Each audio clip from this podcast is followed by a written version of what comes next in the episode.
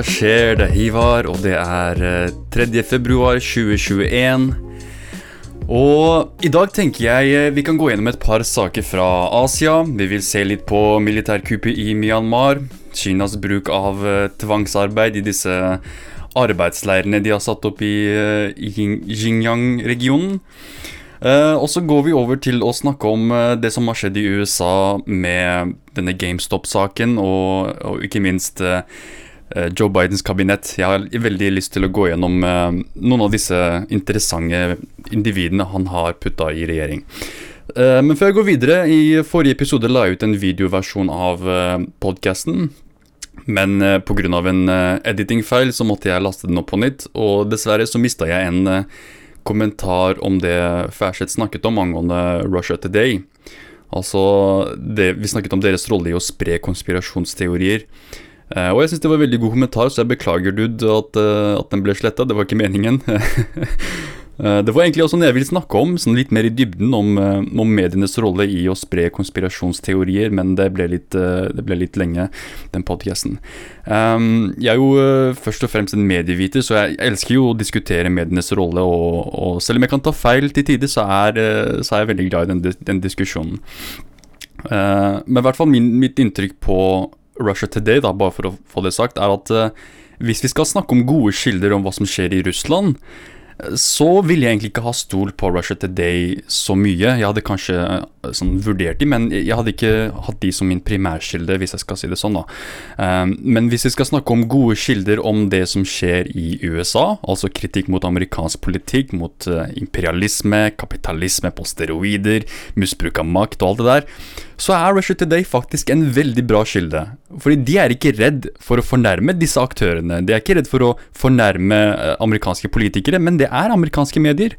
Og Russia Today er jo ikke avhengig av å ha gode relasjoner med disse politikerne og disse aktørene som begår disse fæle handlingene, men det er amerikanske medier. Og nå som Trump er ferdig som president, så vil amerikanske medier ha veldig lite å snakke om, og ikke bare amerikanske medier, men også norske medier til en stor grad. Uh, og de vil da bli mindre populære, og vil falle tilbake til den samme rollen de hadde under Obama. Nettopp dette her med å være politikernes beste venner. De vil eh, gjøre alt de kan for å ikke fornærme Det hvite hus og politikere med innflytelse. Eh, så vi vil ha det komplett motsatte av det vi hadde med Donald Trump. Fordi under Trump så var det fortsatt veldig, egentlig veldig mye sløsing av tid, vil jeg si. Men det var en slags type fiendtlighet mellom han og mediene. Og jeg vet at veldig mange Veldig mange folk liker ikke dette, dette, dette, denne situasjonen. Da. De liker ikke at det er en, en slags fiendtlighet mellom mediene og politikerne, for de tenker at å nei, nå er dette her med på å forebygge medienes tillit blant folket. Det tenker jeg er bullshit. Jeg tror, jeg tror nok mediene er stort sett selvstendige når det kommer til hva slags inntrykk de har.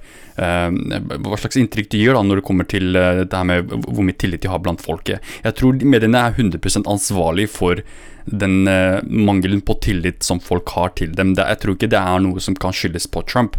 Dette er noe som har vært her ganske lenge. Lenge før Trump, og det vil også være igjen lenge etter Trump. Um, men i hvert fall denne fiendtligheten, den, den tenker jeg den bør alltid finne sted. Og det, det bør være slik. Det skal være slik at mediene skal være kritiske til politikerne. Men Beklager, men igjen, nå, nå som det er Biden i regjering, så tror jeg ikke dette her kommer til å være tilfellet lenger. Eh, og det vil da gjøre at eh, disse mediene faller tilbake til den samme type kjedelige, kjedelige rapportasjer som de hadde tidligere. Og det vil gjøre at, eh, at disse tradisjonelle mediene vil gjøre det dårligere og dårligere og bli mindre populære. Samtidig som alternative medier slår hardt tilbake og tar store deler av eh, mediepublikummet med seg. Beklager. Men ja, jeg, jeg vil bare beklage for at den, eh, den kommentaren ble sletta. Men uh, i hvert fall, la oss starte showet her. Uh, først, før jeg går videre til å snakke om det som skjer i Asia, så vil jeg bare kjapt uh, kommentere om noe som har skjedd her i Norge også. Eh, jeg kommer tilbake til Norge etterpå, men eh, en kjapp reaksjon på en eh, rapport om det jeg føler jeg er litt lei av å måtte gjenta meg selv på. Og det er nemlig dette her med mengden av rusmidler som det skal være lovlig å gå rundt med. Um, hvis uh, Altså Hvis denne, dette, dette forslaget som Rusreformutvalget har kommet med, skal være den politikken vi går videre med, da. Uh, ok, Først når det kommer til denne overskriften eh, så tenker jeg at det er en veldig uansvarlig måte å skrive om rusreformen på. Se hva fokuset her er. Narkotika til en gateverdi på 20 000 kroner skal bli skattefritt, eller eh, straffritt, beklager. Altså, narkotika, så alt fra hasj til heroin, skal det være greit for dealere å selge på gata og tjene opptil 20 000 kroner på uten å bli straffet. Det skal være helt greit. Det er det det høres ut som. Det høres ut som hele denne rusreformen er retta mot disse gatedealerne. Det høres ut som det er det vi skal legalisere, ikke, ikke, ikke bruken i seg selv. La oss være ærlige om den. Les rapporten. Det handler om at det skal være straffefritt for folk som bruker rusmidler. Altså de som allerede er veldig sårbare i samfunnet, de som er rusbrukere. De skal ikke straffes. Og dette er noe vi har forstått, eller Jeg vil nok heller si at noen av oss har forstått at det ikke hjelper å straffe, at vi kanskje bør prøve andre metoder for å forebygge disse negative helseeffektene av rusavhengighet. For det er det målet her er.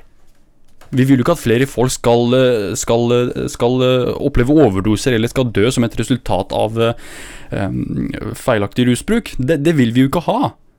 Og vi har funnet ut, eller igjen, noen av oss har funnet ut at den beste metoden for å gjøre det på, er å sikre Eh, et tryggere system da, for de folka som først bruker rusmidler. Det er det det handler om. Men igjen så har vi dette her sexy aspektet om oh, masse penger, oh, kriminalitet. Så det blir mye fokus på det, når det egentlig ikke er det fokuset er. Og det er et veldig stort problem, for det gir et helt feil inntrykk på hva rusreformen er, og det kan skape stor, stor motstand mot en rusreform som alle bør være enige om. Og det verste som kan skje, er at uh, de hemmer denne, denne rusreformen helt, og, og kommer fram til en annen uh, slags kompromiss da, som, som, på en måte ødelegger hele poenget med, med å ha denne rusreformen. Um, men uh, denne, denne, rapporten med disse Frp-erne Da jeg først så denne rapporten på video, det var så morsomt å se på deres reaksjon. Så det så ut som de koste seg virkelig med å liksom lære om rusmidler. Men jeg tenker det er, litt, det er egentlig litt enkel måte å presentere rusmidler på. Det, det, er et veldig simpelt bilde på hva rusmidler er, når de bare har rusmidler på bordet. Hvis du heller skal liksom snakke om rusmidler, så bør du ha Det bør ikke være et bord, men det bør være en konferansesal med tusenvis av folk, med tusenvis av eh, forskningsrapporter og rusmidler. Du kan ikke bare ha rusmidler og si her, her har vi rusmidler, da alt vi trenger å vite om det, er at det er ting, og det er det. Nei, nei, nei. Det er, et, et, det er så mye mer man må sette seg ned og forstå og diskutere og, og, og, og finne mer ut av, da. Hvis du først skal uh, avgjøre hva slags ruspolitikk du skal ha. Du kan ikke bare se på rusmidler og si det der ser veldig skummelt ut, og that's it. Det der har en verdi på 20 000, og that's it. Så jeg håper at folk forstår hva jeg mener når jeg sier at rusmidler som et tema er et utrolig komplekst tema. Det er dette jeg refererer til. Um, og for å virkelig forstå Virkelig forstå, liksom, så trenger vi faktisk alle disse forskjellige kildene. Vi trenger mange forskjellige kilder, ikke bare politiet. Og ikke bare eksperter heller. Og igjen, ikke bare brukere heller.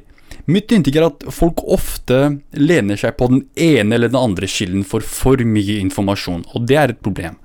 Enten det er politiet som er hovedkilde, eh, så går man da rundt med et slags militant syn på rusproblematikken, eller et kriminelt syn på rusproblematikken, hvor man tror at det er gjennom tvangsmidler, gjennom straff, politiarbeid, at man kan redusere problematisk rusbruk. Og hvis en følger ekspertene på den andre siden, da, så lener man seg jo ofte på statistikk og vitenskap, eh, til den grad at man ofte glemmer det menneskelige aspektet. Spesielt siden vitenskapen ikke har alle svar på rusmidler og de utallige effektene de har på menneskekroppen enda. Jeg sier enda fordi det er jo ikke, er jo ikke slik at de har hatt den friheten til å utforske og lære mer om disse rusmidlene helt ennå. Det er, det er igjen, det, Kanskje rusreformen kan hjelpe med dette her, er at vi får uh, muligheten til å forske mer på disse rusmidlene og lære mer om de.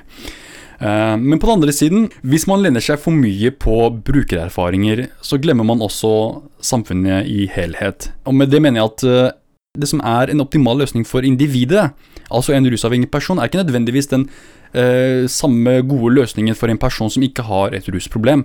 Måten vi har utformer disse ruslovene, kan ikke bare være basert på eh, en liten andel av befolkningen. Da. Selv om denne rusreformen igjen, det er det fokuset er på, de som har det aller vanskeligst. Men etter min mening, hvis vi først skal være ærlige om det, så, så er det, det er jo langt eh, en, en, en, mye større gruppe folk som bruker rusmidler, og det er ikke bare de som har et, et avhengighetsproblem.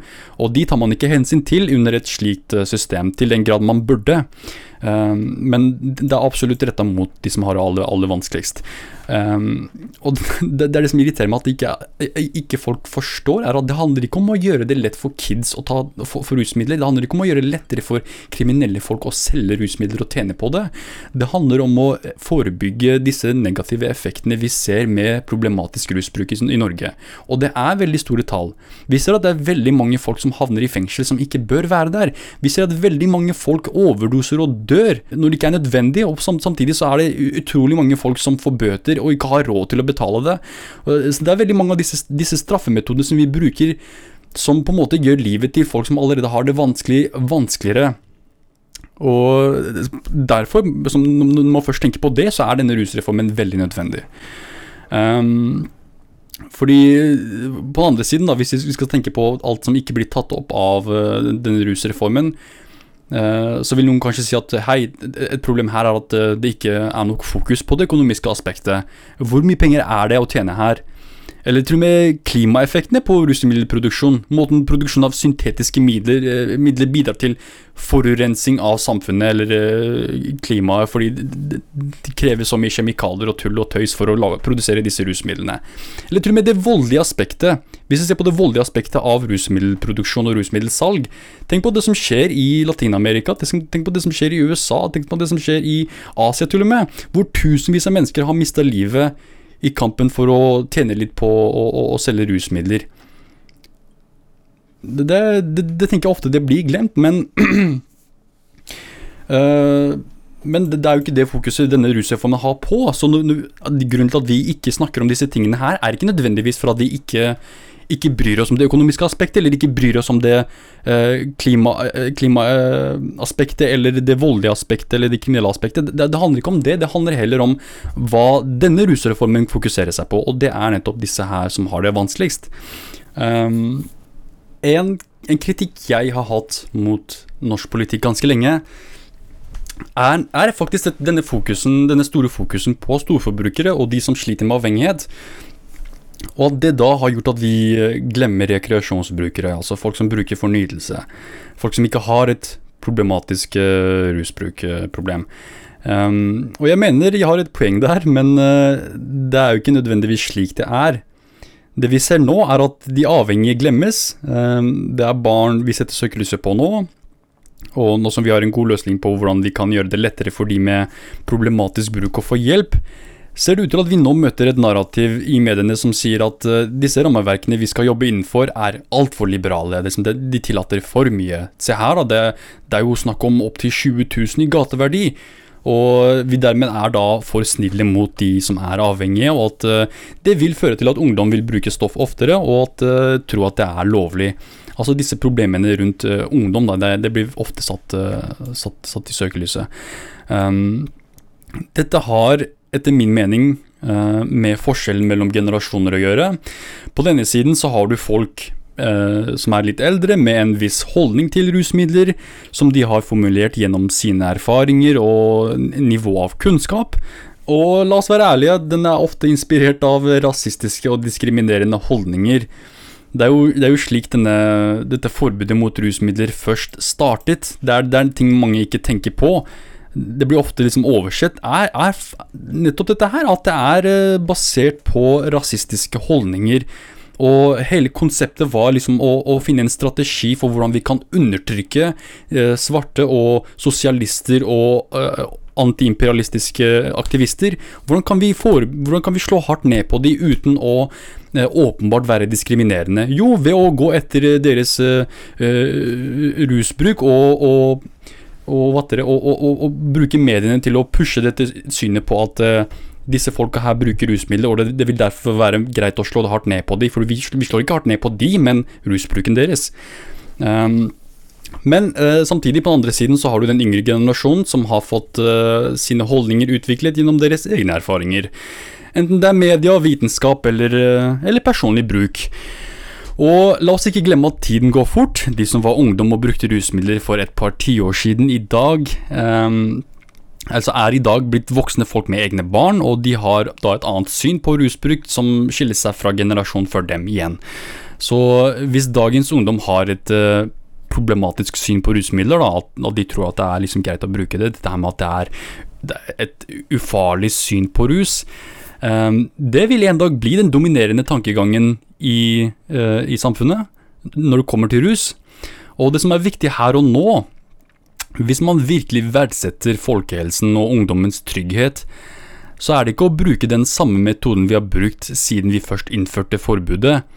Dette med at det er galt å bruke rusmidler, at vi bør gå vekk fra liksom eh, slike moralske bedømmelser da, om, om, når det kommer til rusbruk, og heller prøve å fortelle hvorfor det er galt å bruke rusmidler i det hele tatt.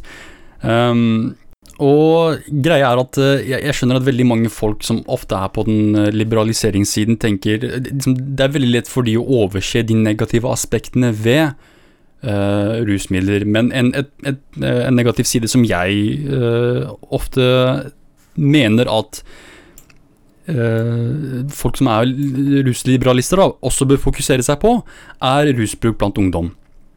For jeg mener jo at det er galt for ungdom å bruke rusmidler hvis de er fortsatt veldig unge, og at det er eh, også veldig farlig for de hvis de ikke tester stoffet før de bruker det, hvis de først skal bruke det.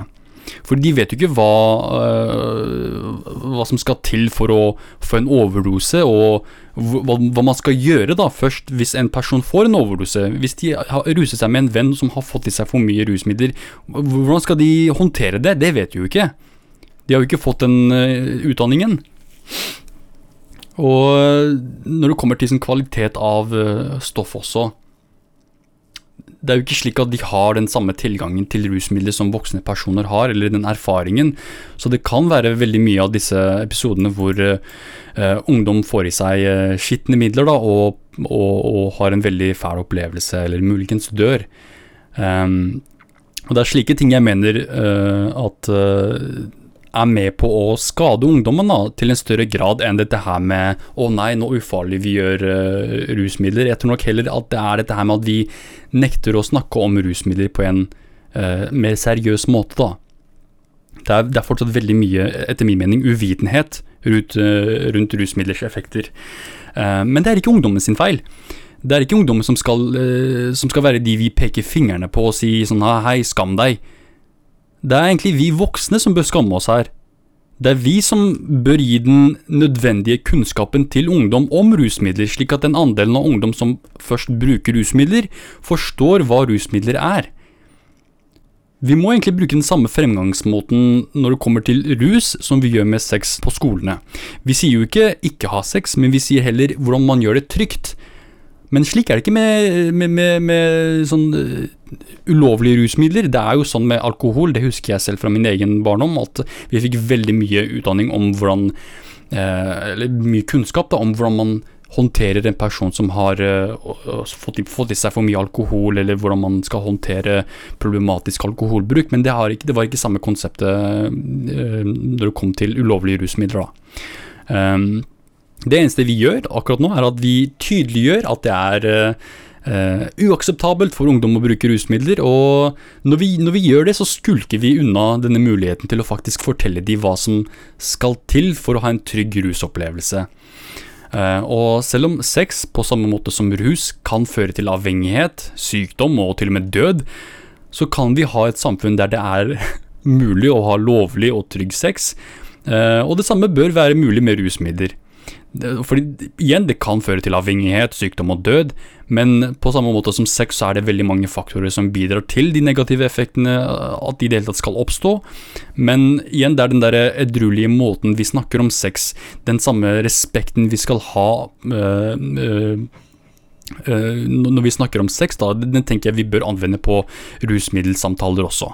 Uh, vi må altså bare være voksne om det. Vi, vi ser jo effekten av dårlig uh, sexutdanning i ikke bare utviklingsland, men også industriland. Det, det, det, det samme prinsippet tenker jeg det gjelder for rus også. det er ikke nødvendigvis sex i seg selv eller rus i seg selv som på en måte skaper disse negative effektene, men heller hva vi vet om disse tingene som på en måte er med på å bidra til eh, negative effekter. Um, så det hadde vært greit med ordentlig utdanning. Uh, og ikke for å si at uh, sexutdanningen er perfekt i alle land, um, som i Norge, da, at det er like, like, bra som her, eller at den utdanningen vi har i Norge er 100 uh, uh, perfekt, da, men det er nok bedre enn rusutdanningen. Det tror jeg vi alle kan være enige om. Eller ja, hvis jeg bare baserer det på mine egne erfaringer, da, så kan jeg huske at det var veldig mye informasjon om sex på, på barneskolen og ungdomsskolen, men det var veldig lite om uh, ulovlige rusmidler, selv på videregående. Så jeg syns det er veldig synd at folk som er imot rusmidlers eksistens, da, altså de som ikke bare fordømmer bruken av rusmidler, rusmidler men de som også er imot deres eksistens det er veldig synd at slike folk de, de gir inntrykket da, av at de er bekymret over ungdommen. Og, og fordi Hvis vi ser på politikken til folk som er rusliberale versus eh, ruskonservative, hvis vi ser på holdningene deres, så er det veldig tydelig at de som er rusliberale i sin politikk, er de som har den politikken som kan sikre en tryggere fremtid for barn og unge, enn de som har konservative holdninger til rus. Eh, og Problemet til forbudspolitikken er at de gjør det lettere for, bru for, for, brukere å falle utenfor, og de som faller utenfor, blir ikke hjulpet opp igjen, og blir stigmatisert, fordømt og jaget vekk. Um, Det blir sett på som en, på en, en slags glitch i systemet. da. Noe uønsket og uvelkommen. Um, og, og, i den forstand så er forbudspolitikernes uh, retorikk veldig sånn selvmotsigende. Fordi På den ene siden så vil de ha rusmidler ulovlig fordi de vil forebygge rusavhengighet i samfunnet, og på den andre siden så fremmer de politikk som går hardt utover den samme gruppe mennesker. Um, og det som folk trenger å forstå med den rusreformen, etter min mening, er at den stort sett håper på å hjelpe de som sliter med rusmiddelbruk. Um, og igjen, de som vi anser som avhengige, de uh, de som har det aller, aller vanskeligst når det kommer til rusbruk. Um, og ja, det gjør det veldig vanskelig å, å, å, snakke om de sosiale aspektene, de kulturelle, de økonomiske, de, eh, sånn, de kriminelle, sånn, organisert kriminalitet, effektene på klima osv. Um, og på den ene siden så er jeg enig med at uh, Uh, jeg er enig med disse folka som er opprørt over at uh, alle disse aspektene av rusmidler blir glemt, men på den andre siden så forstår jeg at det er veldig viktig å forstå først og fremst én ting, og det er at rusbruk ikke skal være en straffbar handling. Bruk, altså. Ikke, ikke salg, ikke produksjon, distribusjon eh, og alt, alt, det som kommer med rusmidler, men bruken. Det å ruse seg. Um, fordi sånn er det riktig av oss å ha et samfunn hvor det skal være straffbart etter loven å bruke et rusmiddel? Det er jo et veldig enkelt spørsmål å, å, å svare på, tenker jeg. Og det, og det, er likevel et spørsmål vi ikke har klart å være enige om, og det er det, er det som er problemet her. Det, det er veldig synd at det faktisk er et spørsmål som vi ennå ikke er enige om. Um, og hvis vi ikke klarer å være enige her, for å svare et såpass enkelt spørsmål, så vil det være utrolig vanskelig å være enige om hvordan vi skal håndtere de andre aspekt, aspektene ved rusmidler. Igjen, um, rusmidler er utrolig komplekse. Det er mye vi må snakke om, og det er mye som må endres. Men vi må først og fremst være tydelige om hva vi mener om bruk. Um, fordi det gjør det veldig vanskeligere um, å, å, å, først begynne å snakke om hva, hva, slags type reguleringer vi skal ha på rusmidler, hvis vi ikke klarer å uh, først svare på et såpass enkelt spørsmål. Uh, dette ble en veldig lang diskusjon om rusmidler, det var ikke meningen. det skulle egentlig bare være en kjapp kommentar. Men jeg tenker å ta en kort pause her nå, litt kaffepåfyll her, og så kommer jeg tilbake for å snakke om en sak jeg har ment å snakke om veldig lenge. Og det er, dette her med eh, behandlingen av uigur, eh, altså kinesiske muslimer i Kina. Måten de blir behandlet på. Eh, jeg vil se på et par forskjellige rapporter fra The Guardian, eh, BBC bl.a., og et par forskningsrapporter som snakker om eh, situasjonen der. Eh, så en kort pause, så kommer jeg straks tilbake.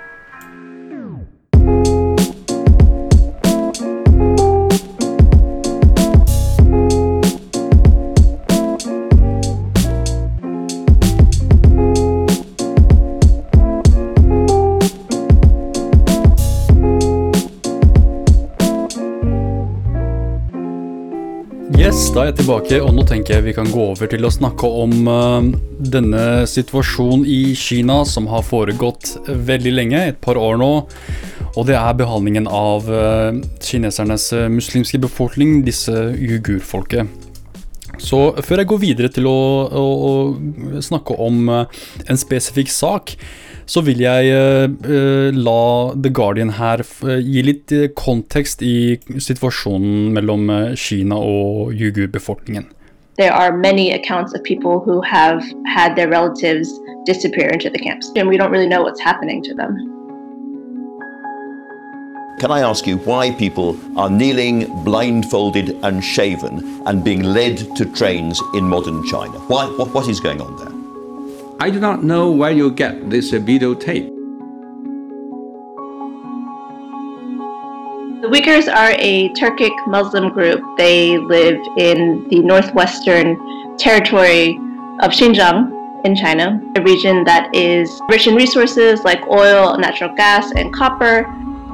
And it is a region that is also important to China politically because it was uh, briefly independent in the 1940s and since 1949, since it's been under Chinese control, there were various clashes and incidents of terrorism both in Xinjiang and in other parts of China, either attributed to or claimed by uh, Uyghur extremists.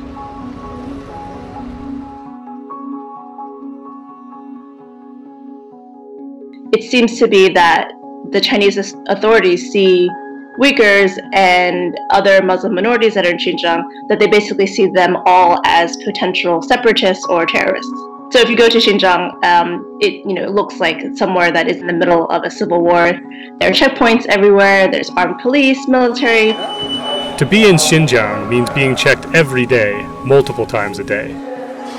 When you go to a market, when you drive a car, when you take a train, even your smartphone is checked. It is difficult to report there because you will be followed by state security agents that basically intimidate you and intimidate anybody that you try to speak to. Why can't we ask some questions? These police stations everywhere and, you know, cameras. So many cameras. The BBC has seen new, detailed satellite analysis of dozens of suspected camps across Xinjiang. Wow, look at this It's like a city. Chinese government claims that these camps are uh, vocational training centers and that people are not forced to go to them, that the detainees in them are not detainees but students. Like most boarding schools, students here take classes, play sports, and do all kinds of extracurriculum activities and they learn, you know, marketable, employable skills, and they learn Chinese, and they come out, you know, better off. This is what it wants the world to see. But we know from accounts from people who have been inside the camps that these camps are de facto prisons, and people have to go in them. They don't have a choice. Um, they're separated from their families and inside they undergo basically political indoctrination. So that can include having to sit for hours and listen to speeches by Xi Jinping, or singing patriotic songs, or listening to lectures about the party. Uh, we also have heard of cases of torture, so people being strapped to something called a tiger chair for hours. Each time I was electrocuted, my whole body would shake. I begged them to kill me. There have also been reports of forced medication, forced sterilizations.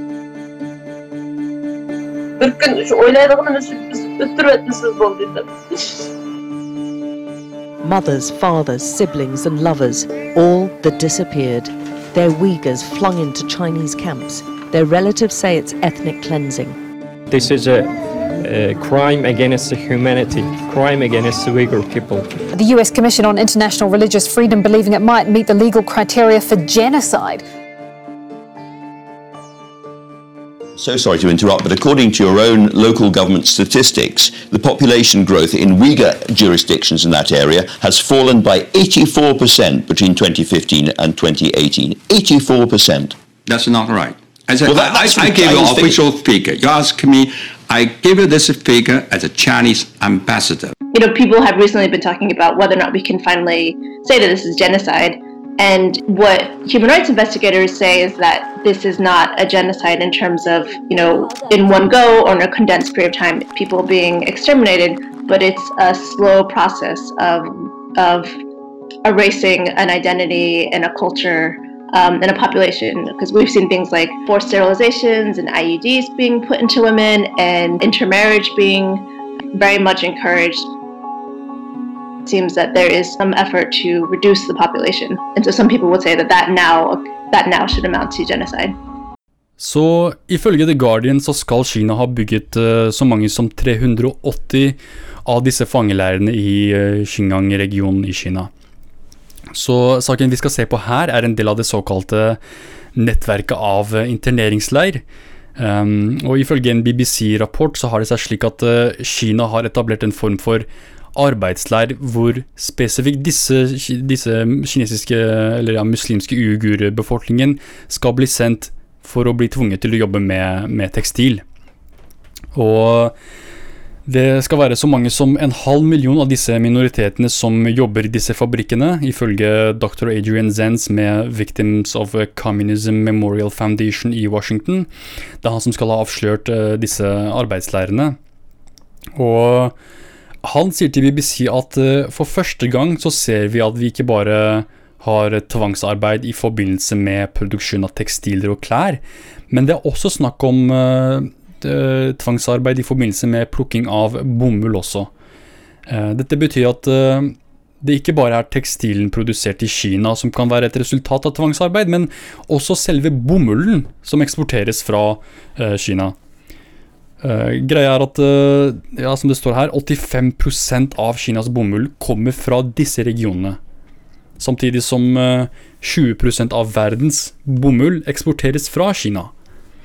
Så hva betyr dette for oss? Jo, det betyr at vi i Vesten mest sannsynlig har kjøpt bomull fra Kina som er et produkt av tvangsarbeid av, av disse uigur-minoritetene. Bare for å forklare her, for de som ikke forstår hvor slitsomt arbeid bomullsplukking kan være. Ikke bare har du selve arbeidet som er utrolig slitsomt, men man, man blir også utsatt for eh, pesticider, altså eh, gift som blir brukt for å, å forhindre uh, biologiske angrep på disse, disse, plantene, som insekter og bakterier osv. Og, så og ifølge en rapport fra BMC Public Health så skriver de uh, om disse, disse, helseeffektene av å bli utsatt for denne giften for, for disse bomullsplukkerne. da. Og de har undersøkt et uh, lokalmiljø av bomullsplukkere i Pakistan, hvor de forteller at 61% av disse plukkerne rapporterte én eller flere lidelser som et resultat av å ha blitt uh, utsatt for disse pesticidene i løpet av uh, plukkesesongen for uh, bomull. Um, dette inkluderer problemer med, med huden, hodepiner, host, influensa, forkjølelse, øyeirritasjon, søvnløshet osv. En annen rapport her fra Proceedings of the International Academy of Sciences of the United States of America refererer til uh, Kina som en av de største forbrukerne av disse pesticidene. Uh, de skriver at nærmest 40% av pesticidene som er brukt av kinesiske bønder, skal være klassifisert som ekstremt eller svært farlige for helsen, ifølge World Health Organization. Og den giften man har i Pakistan, altså, den fører til visse helses helseskader. Samtidig så har vi en enda mer ekstrem variant som blir brukt mer aktivt i Kina, eh, som da også er en av verdens største produsenter av bomull. Um, så denne rapporten til Adrian Zen, som uh, egentlig består av en del uh, forskjellige rapporter uh, og offentlige dokumenter, sånn statlige dokumenter, den skal også re referere til denne paramilitære organisasjonen Xinjiang Production and Construction Corps, som skal ha sendt så mange som 210 000 arbeidere, eller ja, jugurfolk, til å plukke bomull i disse forskjellige leirene. Og det er eh, referanser til å uh, veilede Altså at man skal veilede disse plukkerne til å bevisst uh, frastå ulovlige religiøse aktiviteter. Um, altså deres religiøse identitet er ansett som ulovlig, og man skal dermed ikke uh, uttrykke sånn religiøsitet, da, eller den, den religiøse identiteten sin. Uh, og det, dette tydeliggjør at det, dette programmet er absolutt rettet mot uigur-befolkningen. Det hadde ikke vært noen grunn for dette her hvis det, hvis det ikke hadde liksom uh, Hvis det, religiøse aspektet ikke hadde vært viktig. Uh, og hvordan, hvordan, svarer Kina på dette her? Jo, de mener at uh, dette er en måte å plukke folk opp fra fattigdom. At dette, liksom, dette vil forebygge arbeidsledighet og fattigdom i landet. men det er absolutt et forsøk på det vi så i denne eh, rapporten fra The Guardian, det er absolutt en form for eh, etnisk rensing. Kanskje ikke sånn mm, med et eh, ja, et, et sving av sverdet, hvis man kan si det slikt, men kanskje litt mer gradvis etnisk rensing. Um, og skal vi se her det, det, det, kommer egentlig av denne konflikten mellom uh, kinesiske myndigheter og ekstremister, som denne rapporten snakket om. Eh, etter et angrep på sivile i Beijing i 2013 og i Kuming i 2014, så sa de kinesiske myndighetene at det var, eh, dette var liksom eh, islamister, at dette var uigurbefolkningen og separatister som sto bak disse angrepene. Og de brukte det til å rettferdiggjøre det å slå hardt ned på deres, denne uigurbefolkningens rettigheter.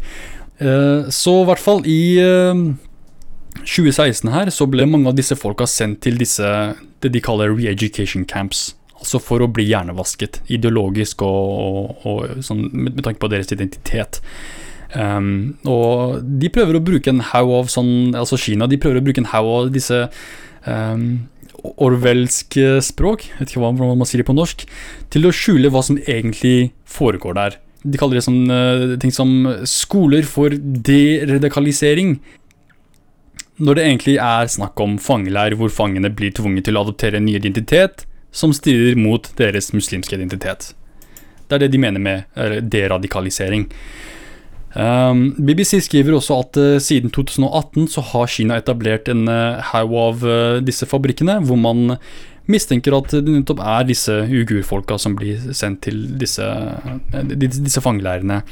Så det er, det er, altså ikke bare snakk om en form for tvangsassimilering ved å, ved å tvinge de til å eh, assimileres i kinesisk eh, identitet, men også snakk om tvangsarbeid. Veldig åpenbart. Uh, igjen, Kina rettferdiggjør dette her i sine rapporter ved å argumentere for at uh, dette vil forebygge bygdefolkets holdninger fra å være primitive latsaber til å bli uh, dyktige arbeidere. Og det viser altså til myndighetenes forakt for folkets identitet og muslimske troen. Fordi tradisjonelle, det tradisjonelle familielivet, som egentlig er veldig sentralt i muslimsk tro, blir da sett på som en årsak til fattigdommen i landet blant disse, disse bygdefolka. Da. Og at det derfor er nødvendig å vaske det vekk i håp om å skape arbeidere og, og Eh, og, og, på en måte forebygge fattigdom og arbeidsledighet i områdene.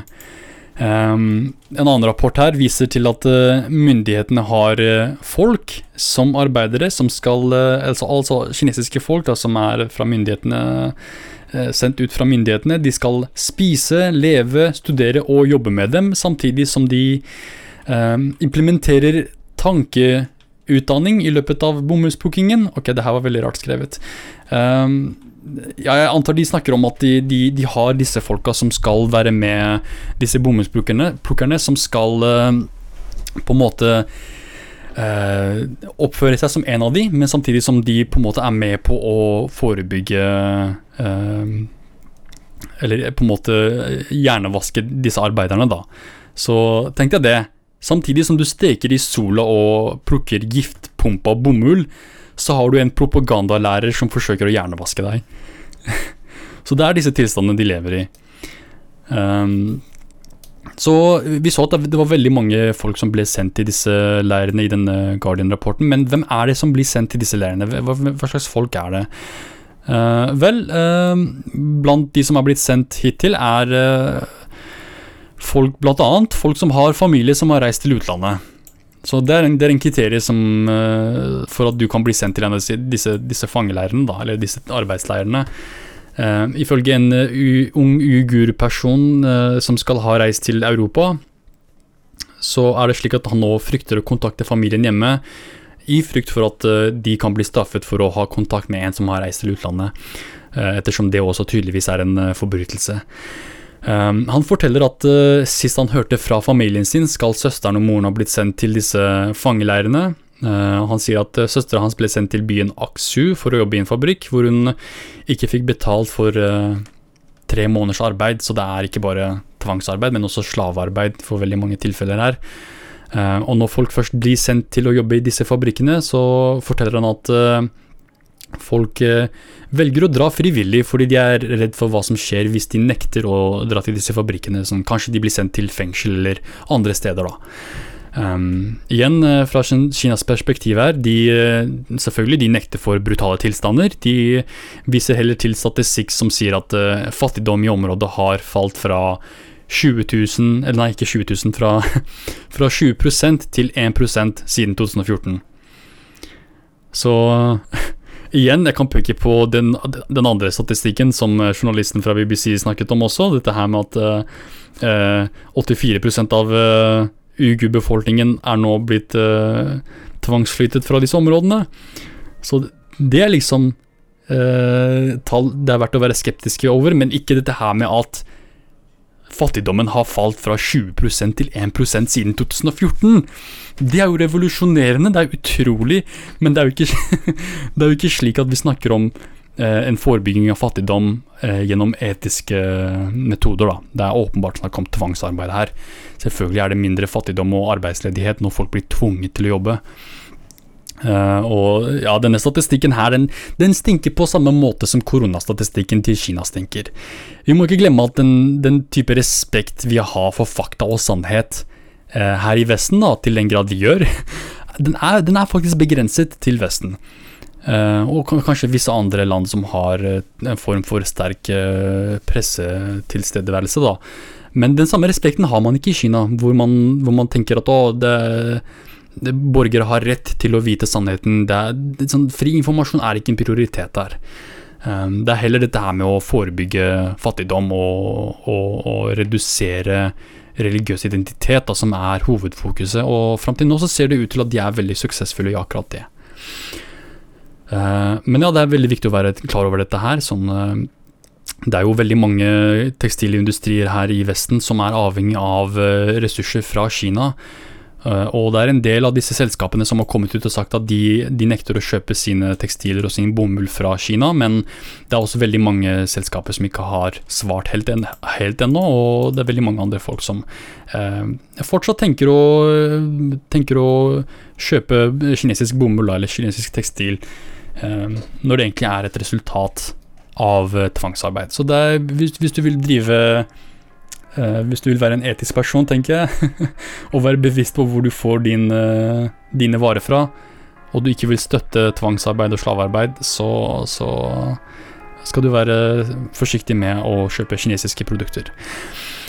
Men uh, jeg tar en kort pause til her, så kommer jeg straks tilbake for å snakke om militærkuppet i Myanmar og anklagelser om valgjuks. Og det vil også være litt mer eh, diskusjon om eh, muslimenes eh, tilstand i, i, i Øst-Asia. Så kort pause, så kommer jeg straks tilbake.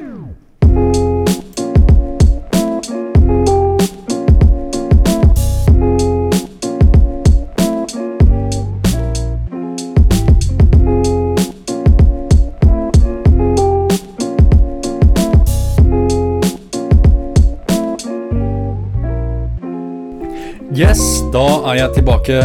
Og nå tenker jeg vi kan gå over til å se på situasjonen i Myanmar, også kjent som Burma.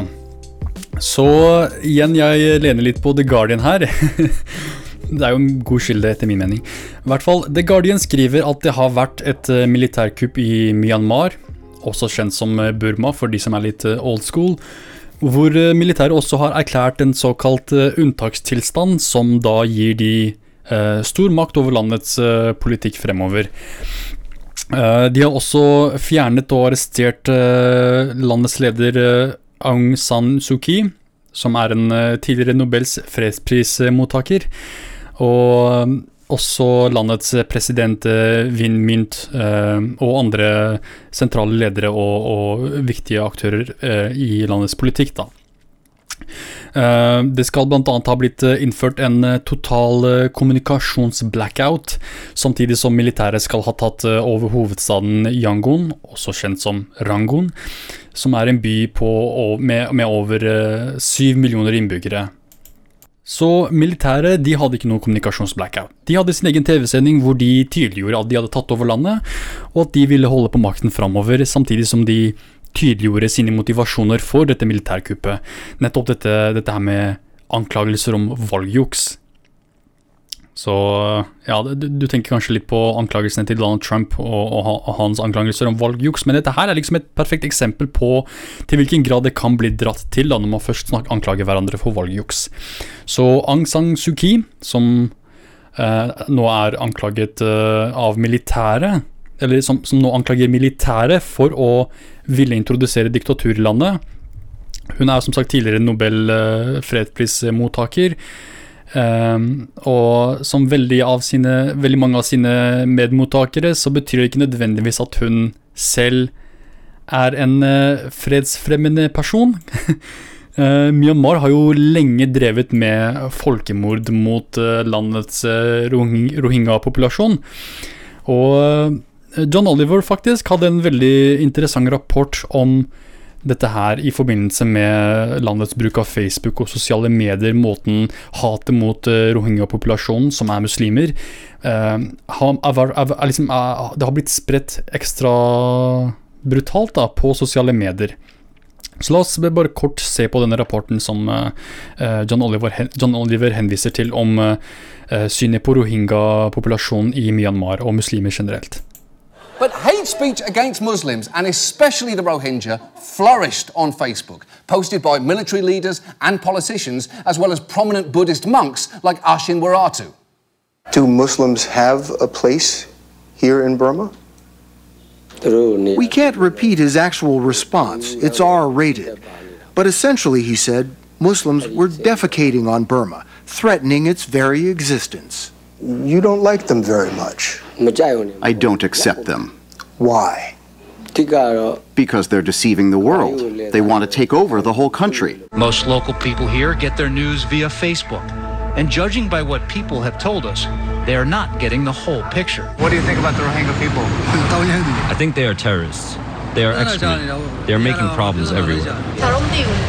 I could gather information from Facebook. What does Facebook say about them? They want to occupy our land and our people. Så bare for å være, litt, være ekstra tydelig her, det er ikke nødvendigvis Aung eh, San Suu Kyi som er årsaken for ikke bare folkemordet på rohingya, men generelt dette hatet mot uh, Myanmars eh, muslimske befolkning.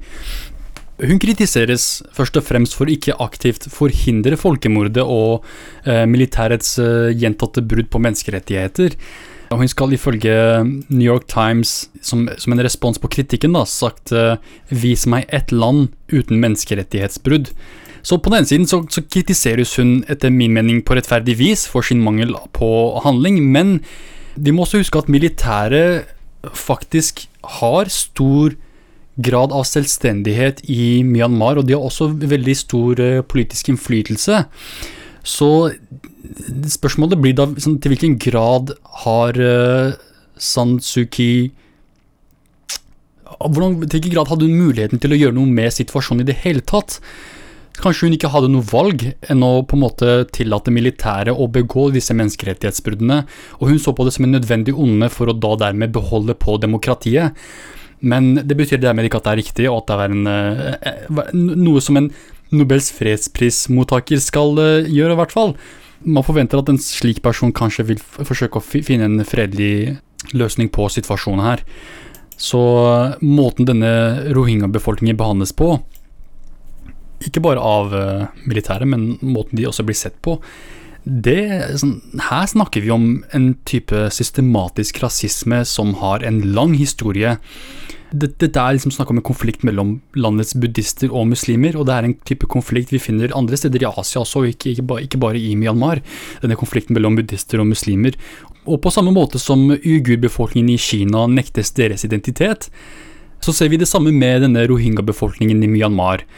Men her så kan vi si at uh, det er langt mer tydelig og åpenlyst uh, form for uttrykking for hat og diskriminering.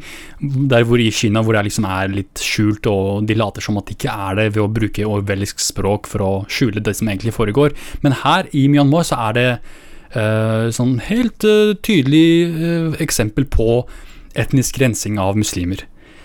Og dette her med å ekskludere befolkningen fra sivil deltakelse ved å nekte dem eh, borgerrettigheter, da. Det fører jo med seg en haug av andre ulemper som gjør det enda vanskeligere for den befolkningen å henge med. Og I de siste par årene så har det vært en rekke voldsepisoder på begge sider, egentlig. Og Det som er merkverdig, er at eh, myndighetene i landet stort sett støtter disse antimuslimske angrepene. Igjen noe som tyder på at eh, myndighetene favoriserer ideen om etnisk rensing. Uh, og det har vært en del eksempler på dette her med tvangsflytning av muslimer som blir uh, også drevet på flukt. Uh, som også er en metode for metode man bruker når man skal drive etnisk rensing.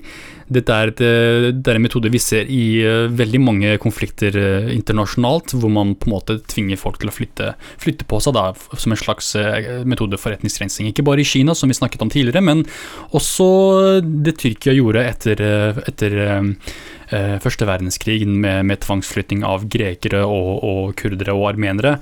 Det var også en form for type etnisk rensing, og nå nylig også i Syria, hvor eh, kurdiske befolkningen i Nord-Syria blir eh, drevet på flukt, og områdene blir erstattet med eh, folk med arabisk etnisitet, for å da drive etnisk rensing av områdene.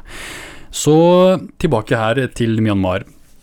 I 2017 så så vi hvordan dette hatet kan føre til voldsepisoder. Og da så vi eksempel på et folkemord. Her ble flere, tu flere tusen av disse rohingya-befolkningen drept. Mange av, de, uh, mange av de som ble drept uh, i dette angrepet, kan man si uh, måtte lide for det, som hevn da, for det, det, det, regjeringen anklager for å være militante rohingya-angrep på eh, militæret. Uh, og Myndighetene svarte med å erklære en slags etnisk rensingkampanje mot befolkningen, sånn straight up, ikke noe, ikke noe å skjule her. Hvor uh, da flere tusen har mistet livet og flere hundre tusen er drevet på flukt. Og Aung San Suu Kyi som beskrives som en slags prodemokratisk kandidat. Eh, etter at landet ble demokratisk og holdt eh, frie valg, så har partiet hennes klart å samle en del stemmer, da. Og i 1990 så vant partiet hennes med eh, overveldende resultater. Eh, militæret nektet å gi fra seg makten og plasserte Su, eh, Suki i husarrest. Da. Sånn, ja, ok, vi har fritt demokratiske valg, men du vant valget, uh, og likevel så vil vi beholde, beholde makten, fordi det er den type militærstyre det var i landet, da. Så selv om hun vant uh, valget og, og, anses som en prodemokratisk kandidat, så ble hun plassert i husarrest, fordi tydeligvis så var ikke militæret klar for å gi fra seg den makten de hadde i landet. Um, og det året hun ble uh, ble satt i husarrest, var også året hun fikk Nobel Nei, det var året etter så fikk hun Nobels fredspris for uh, sin innsats. Og det var ikke før i 2011 uh, hvor, hvor landet da hadde ordentlig demokrati, hvor det ble faktisk demokratisk. Og Bunki kom i Eller partiet hennes da kom i, i, i makten. Så videre i 2015 så vant partiet atter en gang, og denne gangen med enda større resultater. Åpenbart veldig populær kandidat. Eh, og som et resultat da, så krevde militæret at en fjerdedel av parlamentet skulle utnevnes av militæret. I håp om å fortsatt holde fast på litt av denne makten som, eh, som de, de, ville ha. Fordi, igjen, bare fordi Aung San Ki på en måte er den demokratiske lederen, og det er hun som eh, etter folkets demokratiske vilje er lederen, så er det slik at militæret fortsatt vil ha innflytelse over landet. Og igjen, dette det stiller spørsmål til den graden av selvstendighet uh, militæret har i disse, disse, folkemordene, og Suu Kis egentlige rolle. Så videre i 2020, i november, så hadde landet enda et valg.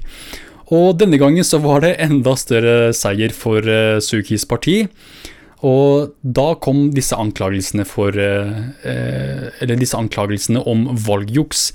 Og nå i februar, det var 1. februar for et par dager siden, hvor militæret valgte da å fjerne Suki fra makten og innføre denne unntakstilstand. Hvor de på en måte rettferdiggjør sin militærmakt da, til å gjøre hva faen de vil. Um, så det er mange, veldig mange sånn, internasjonale ledere som har reagert på dette her. Til og med Erna Solberg har kommet ut og tweetet at hun uh, fordømmer angrepet og erklærer støtte for folkets uh, demokratiske vilje, og at uh, Aung San Suu Kyi og de andre demokratiske valgte lederne må slippes fri umiddelbart. Um, og Joe Bidens regjering har også kommet ut uh, og fordømt dette angrepet her, og de truer med faktisk steppe inn hvis ting ikke uh, Eller hvis disse valgresultatene ikke, ikke, respekteres. Så allerede her ser vi et hint av uh, hva vi har å vente av Joe Bidens administrasjon. Altså militarisme og imperialistisk politikk og intervensjonalisme.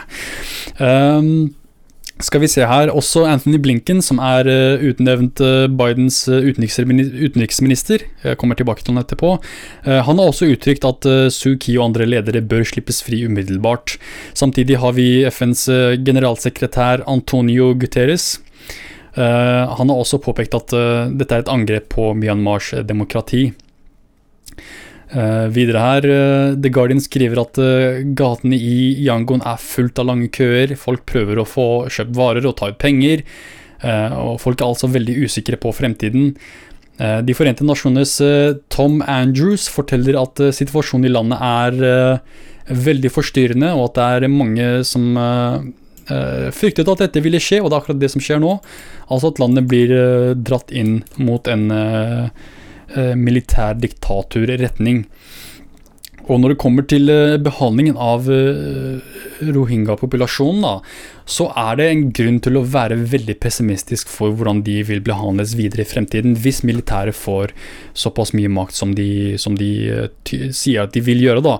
Fordi nå, nå, er det snakk om at de vil styre landet videre hele 2021. da. Hvis de har makt så lenge, så er det sånn nesten utenkelig hva de kan gjøre. Sånn, uh, måten de kan behandle minoritetsbefolkningen på. Og ikke bare minoritetsbefolkningen på, men også majoriteten, også, og også flertallet. For nå er det jo snakk om at landet ikke lenger er demokratisk.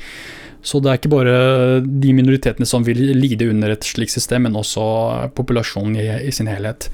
Um, det er som sagt veldig nylig dette her, så det er ikke så mye mer å, å, å fortelle om, om, det som har skjedd eh, med, med militærkuppet. Men eh, det, jeg tenker det er veldig viktig å holde øye med på hva som skjer nå. For det, det, er jo ikke bare slik at Eh, befolkningen i Myanmar eh, er imot dette her.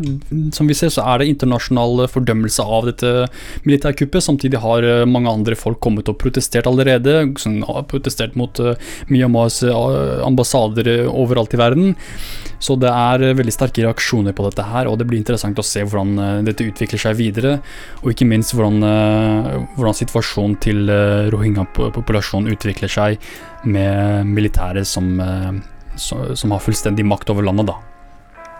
Så igjen, en eh, kort pause til her, så kommer jeg tilbake for å snakke om eh, USAs Uh, nye kabinett. Hvem er det som Joe Biden har dratt med seg i regjering? Hvem er det vi kan se fremover, eller hvem er det vi kan forvente å se fremover?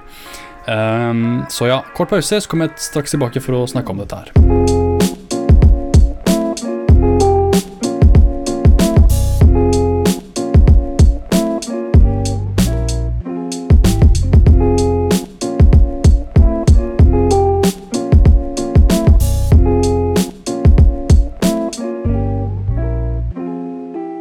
Yes, da er jeg tilbake, og nå tenker jeg vi kan gå over til USA for å snakke om uh, denne nye kabinettet til eh, Joe Biden. Hvem er det han har dratt med seg inn i regjeringen, egentlig? Hvem er disse folka?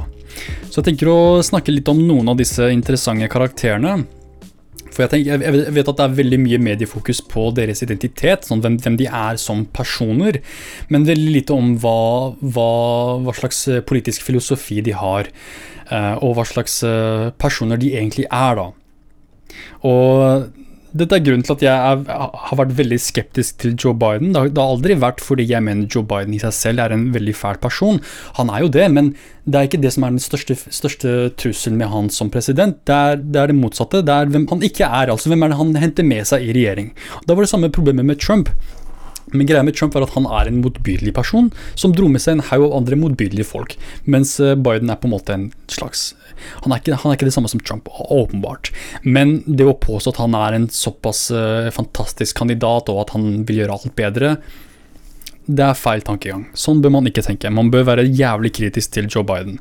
For han har, uh, han har massevis av politisk erfaring, og, og, han har liksom vært til stede i, gjennom veldig mange viktige events, kan man si, og han har vist sin dømmekraft, som viser seg å være veldig svak, kan man si det. Svak dømmekraft. Men la oss uh, se på kabinettet hans her. Hvem er visepresidenten? Jo, visepresidenten er Kamal Harris. Og som uh, en av Bidens tidligere største kritikere, så er hun nå blitt uh, en av Bidens beste venner. Så her er et klipp av Kamala Harris hvor hun faktisk snakker om hvordan det er um, hun under sin ledelse i tror jeg var i California, hvor hun truet foreldre til barn som skulket skolen med fengselsstraff. Bare for å gi et lite innblikk i hvem Kamala Harris er. Så sjekk ut dette her. I would not be standing here were it not for the education I received. And I know many of, many of us will say the same thing. And I believe a child going without an education is tantamount to a crime. So I decided I was going to start prosecuting parents for truancy. Well, this was a little controversial in San Francisco. and frankly, my staff went bananas. They were very concerned because we didn't know at the time whether I was going to have an opponent in my reelection race. But I said, look, I'm done. This is a serious issue, and I've got a little political capital, and I'm going to spend some of it. And this is what we did. We recognized that in that initiative, as a prosecutor and law enforcement, I have a huge stick. The school district has got a carrot. Let's work in tandem around our collective objective and goal, which is to get those kids in school. So, to that end, on my letterhead. Now, let me tell you something about my letterhead. When you're the DA of a major city in this country, usually the job comes with a badge. And there is often an artistic rendering of said badge on your stationery. So I sent a letter out on my letterhead to every parent in the school district outlining the connection that was statistically proven between elementary school truancy, high school dropouts, who will become a victim of crime, and who will become a perpetrator of crime. We sent it out to everyone. A friend of mine actually called me and he said, Kamala, my wife got the letter. She freaked out. She brought all the kids into the living room, held up the letter, said, If you don't go to school, Kamala's going to put you and me in jail. Yes, we achieved intended, effect. Aha, så Å bruke frykt og, og, trusler som en metode for å få sine, sine resultater, da. Og det, det, sånn dette her med skulking og, og, og om, om og det problemet med barn da, som skulker på skolen og sånt, jeg tenker det er litt feil fokus å ha på at ja, hvis du skulker, så kommer du til å ende opp her, sånn og sånn og sånn. Det er feil tankegang. Det, det du heller bør fokusere på, er hvorfor folk skulker i det hele tatt. Um, du har, du har f.eks. noen folk som blir mobbet, du har andre folk som kanskje ikke finner noe interesse for eh, skoleaktivitetene, eller du har kanskje noen som um, føler seg litt, litt, for smarte for skole. Det, du har også eksempler av det, folk som ikke føler at skolen er utfordrende nok. Um, og det er ikke det sånn, Åpenbart ikke det fokuset til Kamala Harris var. Hennes fokus var ikke skulk. Hvis du skulker, så, så kan du forvente straff. Um, og så tilbake til dette her med Kamala Harris som uh, kritiker av uh, Joe Biden.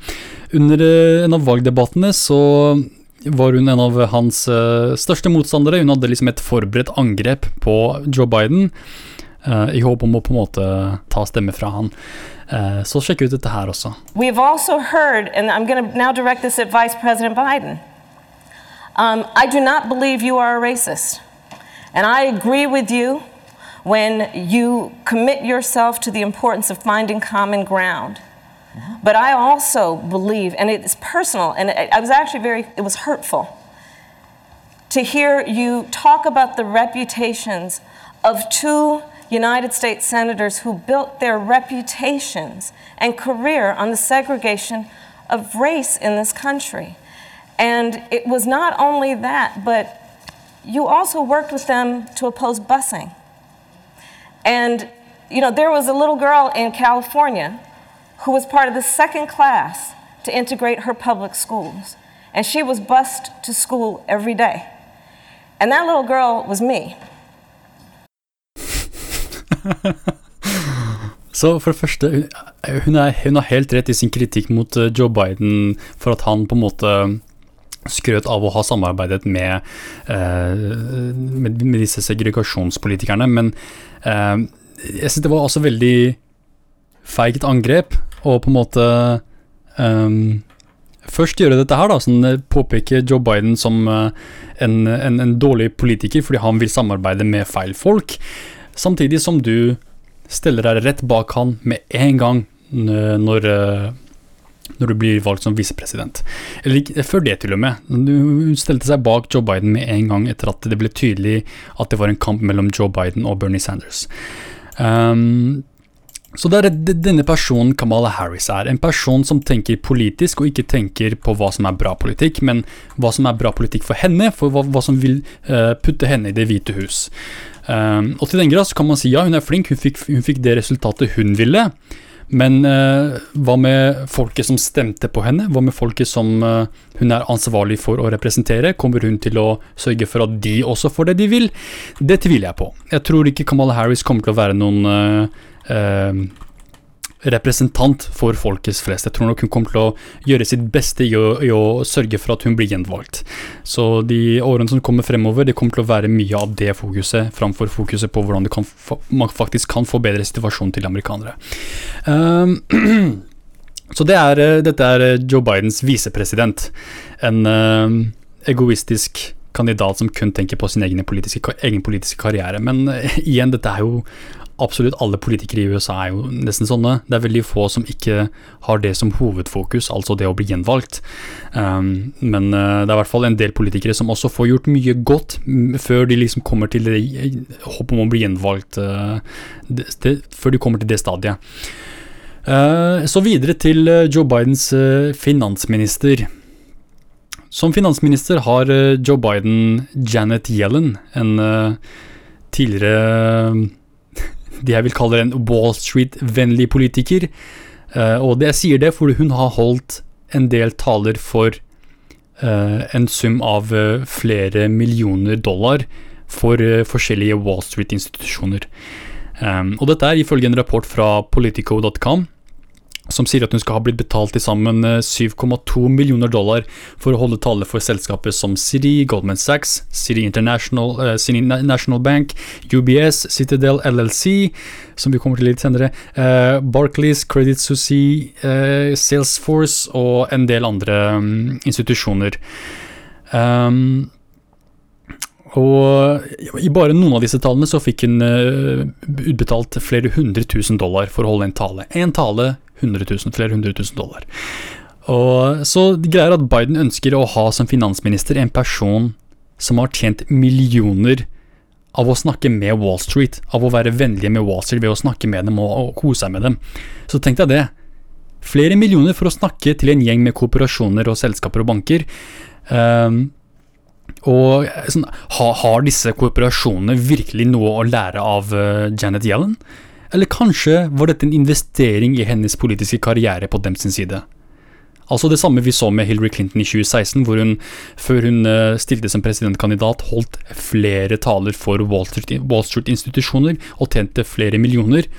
Penger som hun da også brukte til å, å, investere i eh, Det demokratiske partiet. Igjen, disse pengene igjen ble brukt til å fremme henne som kandidat i 2016.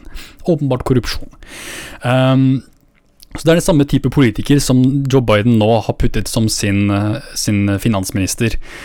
Eh, så igjen, andre folk vil fokusere på det faktum at eh, Kamala Harris er en eh, farget kvinne, og at Janet Yellen også er en kvinne, og at det er det vi skal fokusere oss på. Men jeg tenker det her er mye mer interessant, det med at de har en såpass motbydelig bakgrunn, da.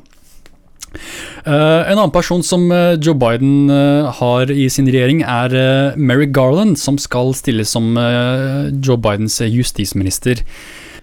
Og greia er at Mary Garland skulle egentlig fylle en høyesterettsdommersete da Obama var president, men siden demokratene var så feige, så klarte de ikke å overtale republikanerne til å tillate Garland som høyesterett. Så de, altså republikanerne blokkerte hans nominasjon og hans kandidatur som høyesterettsdommer. Og vi endte i stedet da med at uh, Trump, når han uh, kom, i, regjering, putta sin egen foretrukkede høyesterettsdommer i, i høyesterettsdomstolen. Altså en svært konservativ person. så med dette så tenker jeg at jeg, sånn, jeg, personlig jeg forventer ikke at uh, Merrick Garland kommer til å være en objektiv aktør i regjeringen når det kommer til uh, håndheving av loven.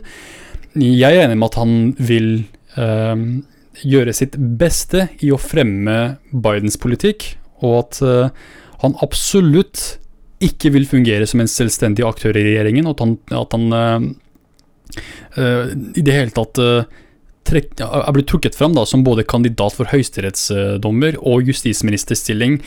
Det forteller meg at han ikke er en strålende kandidat for begge stillinger, men at han heller er en lojal demokrat som vil gjøre som demokratene vil.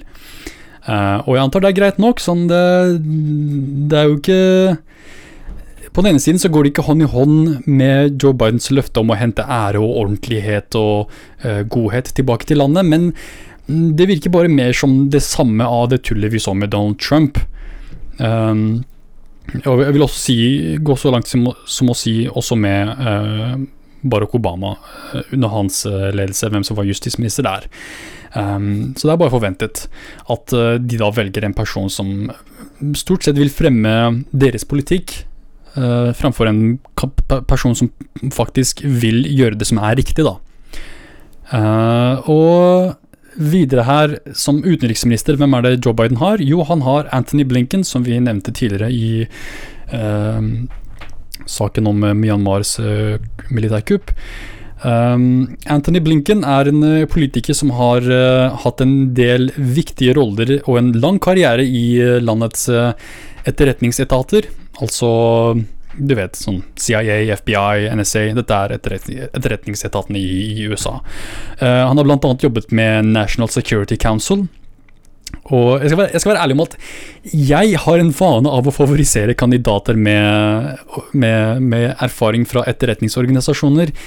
Eh, ikke nødvendigvis fordi de er gode folk, men fordi de har mye ekspertise og ofte sitter i sine stillinger ganske lenge og har dermed mye kompetanse. Uh, men på den andre siden så er det slik at veldig mange av disse folka har gjort veldig fæle ting. Uh, så det er ikke alltid jeg, vil si jeg favoriserer de, men stort sett når de har en når de ikke har en eh, slags voldig voldelig bakgrunn, så, så, hender det at jeg favoriserer slike kandidater for slike stillinger. For jeg, jeg tror nok han vil eh, Jeg tror faktisk Anthony Blinken vil gjøre en god jobb. Jeg er også litt mer optimistisk for utviklingen av denne atomavtalen med Iran. enn det jeg var med Trump som Trump sine mange utenriksministre.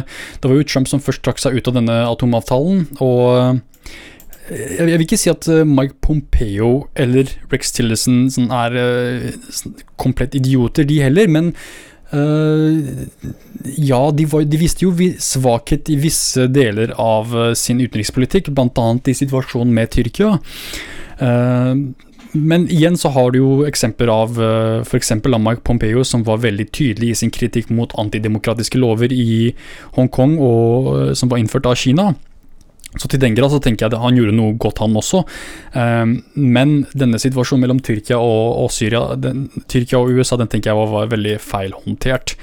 Uh, og akkurat nå så er situasjonen veldig uforutsigbar, altså situasjonen mellom USA og Tyrkia. Og Anthony Blinken har tidligere sagt at han mener man skal være mer streng med Erdogan, spesielt pga. hans uh, behandling av kurdere Samtidig som Blinken mener at eh, et bedre forhold må utvikles mellom USA og Tyrkia, altså mer diplomati.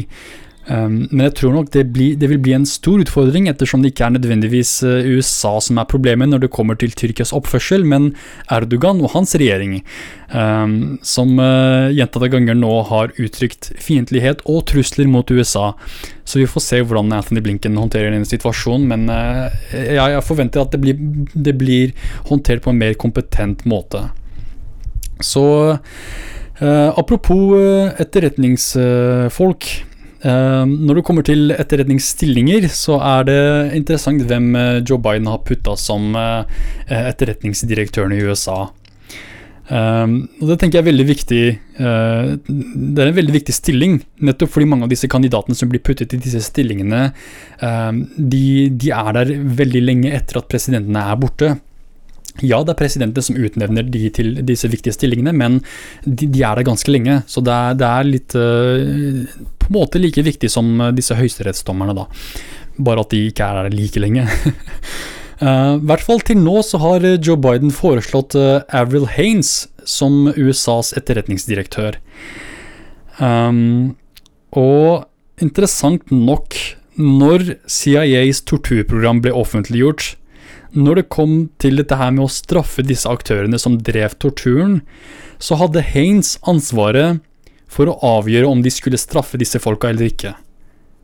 Og hun konkluderte med at de ikke skulle straffes for å ha begått tortur. Og dermed har vi Obamas beryktede 'vi ser ikke bakover, men fremover', sitat, hvor han eh, mente at man ikke skulle straffe CIA for torturprogrammet sitt, eller eh, straffeforfølge George Bush for sine krigsforbrytelser, til og med. Og hun har også tydeliggjort, altså Avril Haines har tydeliggjort at hun ikke har planer om å etterforske denne saken igjen, eller å straffeforfølge de som var involvert i dette programmet på noen som helst måte videre. Um, hun skal uh, også ha vært med i programmet som avgjorde uh, Barack Obamas uh, regjerings retningslinjer for drap av visse personer med, med droner.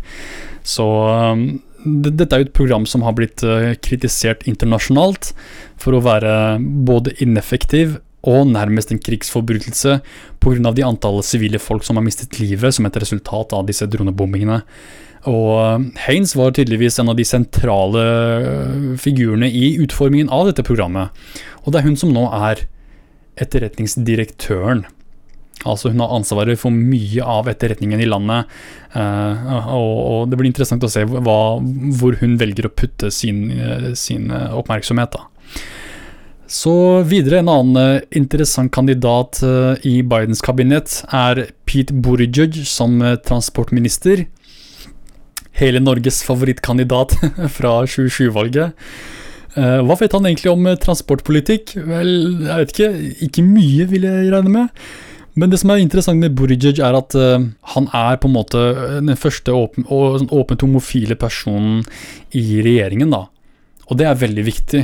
Uh, og jeg vet ikke sånn, hva, hva, det har med han som uh, transportminister å gjøre, men det har tydeligvis veldig mye å si for han som uh, person, for en eller annen grunn.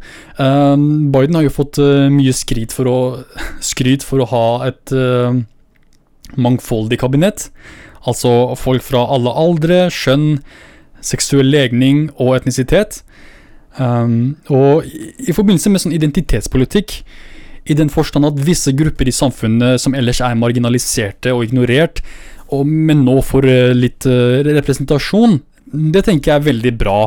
Uh, og det er veldig, også veldig smart trekk på Bidens side for å ha, å ha, et såpass mangfoldig kabinett. Det er veldig mange fordeler som kommer med å ha et slikt kabinett, men jeg vet ikke til hvilken grad det vil føre til et uh, Ja, ok, du har et mer kompetent kabinett også, men jeg vet ikke til hvilken grad det vil føre til at uh, man har uh, gode resultater da videre. fordi disse folka som jeg har gått gjennom her, mange av disse folka er fæle folk. Det her er ikke gode folk. Um, sånn Pete Buttigieg her, som, Buttigieg, som har blitt favorisert av nordmenn, blant annet. Det mange ikke vet, er at fyren er en korrupt rasist. Å oh, nei, Hiva, sa du virkelig det? Ja, han er det. Se på, se på hva han gjorde i South Bend, Indiana, var det.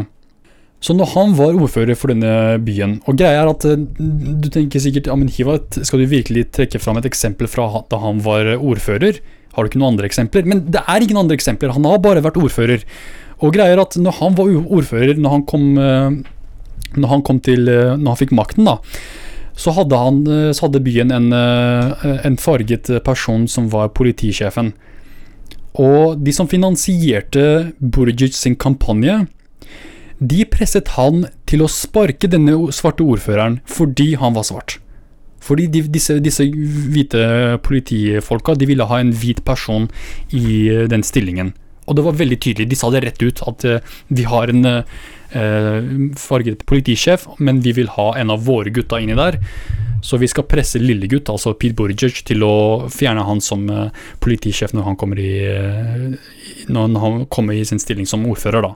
Og hva gjorde Pete Buttigieg når han ble ordfører? Jo, han sparket denne politisjefen og erstattet han med en hvit person. Og ikke bare det, jeg tror det var også snakk om andre andre stillinger eh, og, og bl.a. blant annet eh, eksempler på voldsepisoder mot svarte folk da, som ikke ble undersøket og utforsket av Pete Buttigieg etter at eh, folk eh, krevde det da.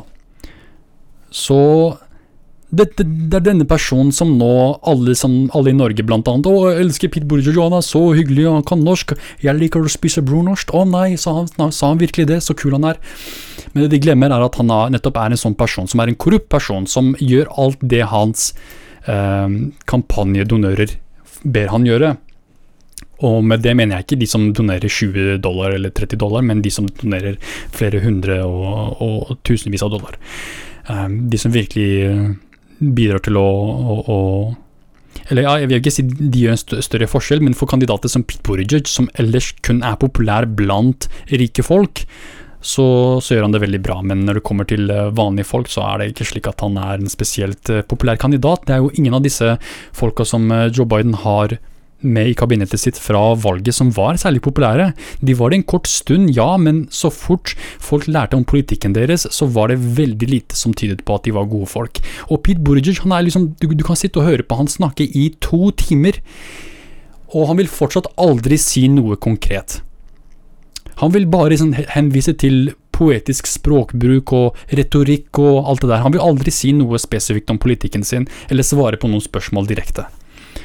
Eh, og jeg tenker sånn, Sånne folk er perfekte for Joe Biden, fordi det samme er det med Joe Biden. Til en stor grad. Um, og det er veldig interessant at av alle disse folka her som han har i regjering, ja, det, dette er snakk om uh, folk med uh, ja, multikulturelle folk, multietniske, multi... Jeg holdt på å si multiseksuelle, men folk av forskjellig seksuell legning også, og etnisitet.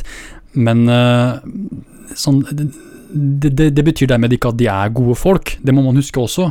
Ja, det er bra for eh, representasjon at visse folk i, i, i, USA nå føler seg representert, at de ser uh, folk som ligner på dem selv i regjering. Så vil det kanskje være med på å skape en positiv eh, endring, men når det kommer til selve politikken, så er det ikke særlig mye positivt å forvente når du har folk som Pete Buttigieg og Kamala Harris og uh, Janet Yellen og Nira Tandon eh, i regjering. Det, det, jeg, tror ikke det er gode avgjørelser.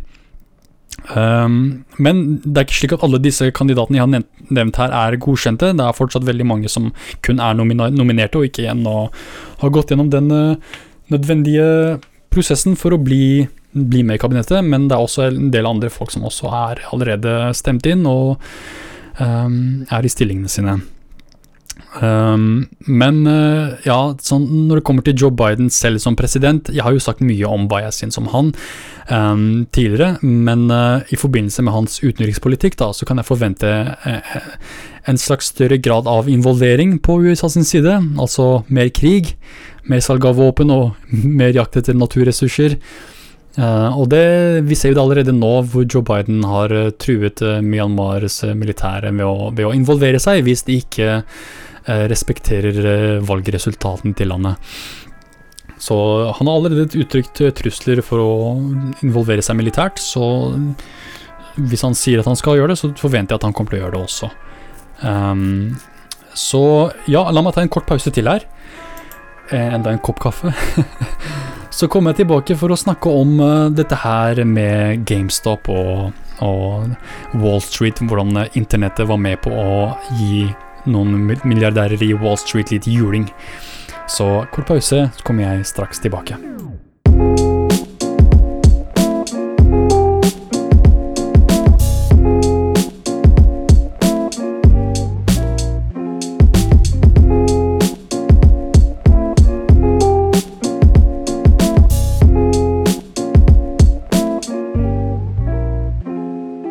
Yes, da er jeg tilbake, og nå går vi over til å snakke om uh, de verste av de verste, Wall Street.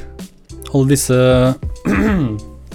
disse multimilliardærfolka som har utrolig mye innflytelse på politikken i USA. Så det som har skjedd nå nylig, det tenker jeg er veldig viktig å få med seg, ikke bare for, uh, med tanke på økonomi, men også politikk. Fordi det vil definitivt ha en påvirkning på hva slags reguleringer man innfører videre. Altså in reguleringer som er til fordel for disse Wall Street-folka, og til uh, ulempe for, uh, for vanlige folk. Så man har lenge forventet at GameStop vil en dag gå konkurs. Forretningsmodellen er jo ikke tilpasset dagens gamingkultur til særlig stor grad, og mange av disse spillene som Uh, man pleide å kjøpe hos GameStop, kan nå kjøpes digitalt, annet. Og GameStop er stort sett designet for å tjene penger via den gamle gamingkulturen, da, hvor du måtte til en butikk for å kjøpe et spill, annet, eller gamingutstyr. Internett har jo gjort en type bedrift uh, i dag da, utdatert, og når du har situasjonen som korona også, som gjør det enda vanskeligere, så, så, er det ikke helt uh, irrasjonelt, etter min mening, å forvente at uh, GameStop da er i hvert fall uh, er, det, er, å forvente at de vil gå konkurs en dag. Mm, men ikke for å si at gamingindustrien i seg selv er under noen trussel, er jo, den er jo sterkere nå enn noen gang. men det er bare det hvordan folk spiller, hvordan, hvordan denne gamingkulturen er, som har endret seg til en stor grad. Så en eh, gjeng med investeringsfond, hedgefunds som de så kalles, i Wall Street tenkte, tenkte på dette her, og de sa hei, se her, dette er en døende bedrift, og vi kan faktisk tjene penger på det. Og måten de tjener penger på en døende bedrift, eller en døende selskap da, som GameStop, er gjennom dette her som kalles shortsalg. Det går ut på at man gjennom sin aksjemegler, og enten det er eh, en, en spesifikk bedrift, eller om det er eh, en app som Robinhood f.eks., altså man gjennom sin aksjemegler selger aksjer man ikke eier. Og det gjør du ved å låne aksjer fra noen som faktisk eier det, altså via din aksjemegler. Du låner noen aksjer fra folk som faktisk har aksjer i, i GameStop. Du selger det, eh, og i håp om at en dag når du skal betale disse, disse pengene tilbake, så skal um, aksjeprisene til GameStop ha gått så langt ned at når du betaler tilbake, da, for du må jo betale tilbake, så vil prisen ha gått ned, og du vil derfor da betale mindre enn det du tjente. Så du selger en aksje som du ikke har for, uh, la oss si, ja, en milliard, og når du skal kjøpe det tilbake, for du låner det bare, du må jo gi det tilbake, og når du, når du skal betale tilbake, så har aksjeprisen gått ned. Og da må du bare betale, ja eh, fem, eh, la oss si ja, en halv milliard, da. Så da har du tjent en milliard på å selge, som du beholder, en, en halv, den halv milliarden du, du, beholder selv, da. Samtidig som den andre halv milliarden betaler du tilbake for å, um, for å kjøpe opp disse aksjene du har solgt igjen, da. For igjen, du låner det. Uh, og det er veldig sånn Hæ, er dette her mulig? Er det faktisk en greie at du kan selge aksjer du ikke har? Ja, det går, men igjen, du må, du må liksom betale tilbake. Du må kjøpe opp aksjen igjen. Og det er liksom hele konseptet er at ved, ved å Du tjener penger ved at uh, aksjeprisene går ned gjennom shortsalg.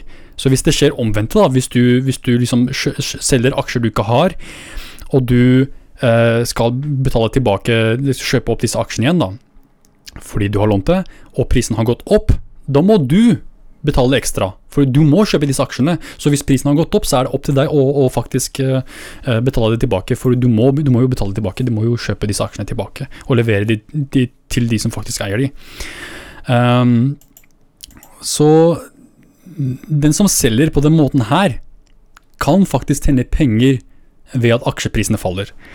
Og husk at aksjene ikke eid, de, de, aksjene er ikke eid av selgeren, men de er lånt. Så hvis du shorter en aksje, så forventer du at prisen vil gå ned.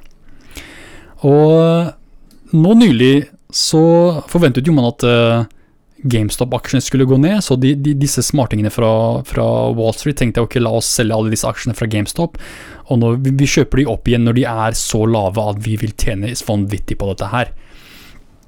Og det Ja, de, de tok det faktisk til, til, den grad at de var villige til å la GameStop gå helt konkurs og aldri kunne komme seg på beina igjen. Nærmest 140% av GameStop-aksjer ble solgt på den måten her av disse hedgefund-jæverne. Så det var forventet at eh, de skulle tjene fett på dette her, og at GameStop ville gå konkurs, og that's it. Men en del folk på Reddit blant annet, så de så dette her, og de tenkte hei, dette er en veldig risikabel uh, Ja, en veddemål da, som de har satt opp her. Hvor de forventer at GameStop vil gå ned, og de har veddet så mye på dette her, sånn over 140 blant annet. Uh, men hvis vi investerer i GameStop nå, så vil, jo, så vil jo aksjeprisene gå opp. Hvis vi alle sammen, eller hvis mange folk begynner å investere i GameStop, så går aksjeprisene opp, og da vil dermed da disse shortselgerne, disse hedgefondene, tape penger. Så en hær av mennesker satte seg bak GameStop-aksjene, noe som gjorde at prisene faktisk fløy langt opp til skyene. Og det vil si at disse geniene i Wall Street tapte en haug av penger på dette her. For når prisene er hoppet opp såpass høyt, eller når de først gikk opp såpass høyt, så måtte jo disse geniene betale tilbake. De måtte kjøpe opp aksjene de hadde solgt, for å hindre å betale mer. Og i dette hastverket til å kjøpe mer av disse aksjene igjen tilbake, så økte aksjeprisene bare enda mer. og dette gjorde at prisene for aksjene i GameStop da var uh, sånn 19,94 dollar den 11. januar, før dette her skjedde, mens i januar 20, den 27. så var den så høyt som 347 dollar per aksje. Så fra 19 dollar, nesten 20 dollar, til 347 dollar per aksje. Og tenk deg hvor mange aksjer folk har kjøpt opp, da. Er, og, og, og, disse, disse hedgefondfolka som, som hadde, solgt så, såpass mange aksjer. Um, så hva skjedde med de? hva skjedde med disse, disse, som hadde investert? Jo, eh, Melvin Capital er et av disse investeringsfondene som hadde gjort dette her, da, som hadde prøvd å shortselge GameStop-aksjer. De tapte så mange som 53 eh, av sine investeringer til sammen. Uh, bare gjennom GameStop-shorting-forsøket. Uh, så de tapte så, så, mye som 6 milliarder dollar. Og det er ikke bare GameStop her som har blitt Det har vært forsøk på å shorte de, og, og, og det har endt med at hedgefund-folk har mista penger. Det er også snakk om software-selskapet Blackberry og underholdningsselskapet AMC. De var også involvert i denne episoden her. Mm, men ja, så hva skjedde med GameStop? Vel, uh, skal vi se her uh, George Sherman, som er uh, en av lederne i Jeg tror han er CEO av GameStop her. Han hadde en verdi av 44 millioner dollar i aksjer før nyttår. Altså de, de, aksjene han hadde, som er, jeg tror var over en million aksjer han hadde, de var verdt 44 millioner før nyttår. Og nå etter eh, nyttår, når aksjeprisene økte så drastisk, så var verdien, oppe, opp, sånn, verdien av de aksjene han hadde, opp til 1 milliard dollar. Så han har gjort det jævlig fett. Eh, eller verdien, da. Verdien til aksjene hans har eh, økt utrolig mye. Så hvordan reagerer infrastrukturen bak disse forhandlingene, disse, denne, denne, tradingen, altså Robin Hood f.eks., denne aksjemegleren? Jo, de, de prøvde å kontrollere situasjonen. De prøvde å Fordi de er jo middelmann mellom disse transaksjonene, det er de som er ansvarlig for at disse transaksjonene går gjennom. De nektet sine klienter å bytte GameStop-aksjer. I, i, I, et forsøk på å stoppe dette her. Å, for å på en måte hjelpe sine hedgefund-kompiser. Så Robinhoods begrensninger har videre ført til at eh, det er stor misnøye blant kunder som, som bruker Robinhood, som er veldig øh, sjokkert over dette her. De kan ikke tro det, på en måte. da. Og mange av de har gått rundt og, og gitt Robin Robinhood utrolig fæle ratings. Og Google var faktisk med på å fjerne så mange som 100 000 eh, vurdering, anmeldelser av Robinhood, fordi de mente at dette her var et koordinert angrep av uh, en, en armé av trolls. da. At det ikke var legitime anmeldelser. Men det er jo, det er jo helt feil. Robinhood har flere millioner eh, brukere, og mange av disse folka eier stokk i GameStop. Eller de eier aksjer i GameStop, så hva er eh, problemet her? Det at de da begrenset dem til å eh, Fra å, å bytte GameStop-aksjer, men samtidig som hedgefondfolka ikke hadde noen begrensninger, eller andre folk som brukte andre aksjemeglere ikke hadde de, de samme begrensningene. Det beviser jo at Robinhood hadde dårlige hensikter her. Så dermed alle disse kritikken de fikk fra sine brukere, er helt fortjent. Og det er ikke bare de uh, brukerne av Robinhood som har, fått, uh, som har utlevert uh, velfortjent kritikk her. Um, Rashida Talib, som er en kongressrepresentant, hun har anklaget Robin Hood for å manipulere markedene i håp om å hjelpe disse investeringsfondene, og hun krever at de, de blir stilt fram til høring. Eh, samtidig så har Alexandra Ocasio-Cortez, som også er en av de um, en, en, samme type politiker som Rashida Talib, da kan vi si, som er veldig progressiv. Hun har også kritisert uh, disse, disse, disse, denne Robin Hood-aksjemegleren. Uh, på samme side så har du en av USAs verste politikere, mest motbydelige politikere, Ted Cruz, som også støtter dette her. Så to folk fra komplett motsatte sider av politikken er 100% enige om at Robin Hood gjorde noe som var feil her. Altså å begrense deres, eh, deres kunder og deres brukere da, til å, til å, til å uh, bytte GameStop-aksjer. For det er, det, er, det er, snakk om mye penger her. Det er veldig mange folk som hadde tjent eh, veldig, veldig bra på dette her, og det er veldig mange som har allerede tjent veldig bra på dette her. Så det som er galt her, er at egentlig det ikke er noe galt. Disse Reddit-folka, det, det, de gjorde var rett og slett det samme det Wall Street har gjort hele tiden. Og det som er spesielt, er at de det, det er de vanlige folka som vant. Det er ikke Wall Street-milliardærene som vant denne gangen, men de vanlige folka som oftest blir uh, Sorry for min fæle ordbruk her, men rævkjørt av uh, Wall Street-milliardærene her. Så for første gang var det vanlige folk som vant, og det er uakseptabelt. Det kan de ikke ha noe av. Hvordan våger disse skitne eh, bondefolka komme her og kreve og, og, og, på en måte lure oss på den måten her, da?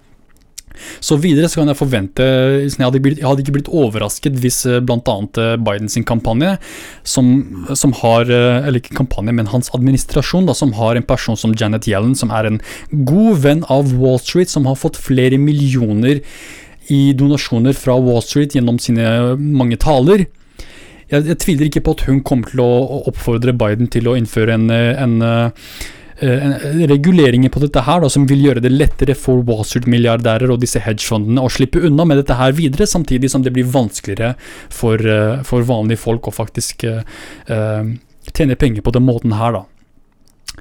Uh, og det, dette kommer jo stort sett av at det i det hele tatt er blitt mulig for folk å delta i aksjemarkedet um, til en større grad enn tidligere.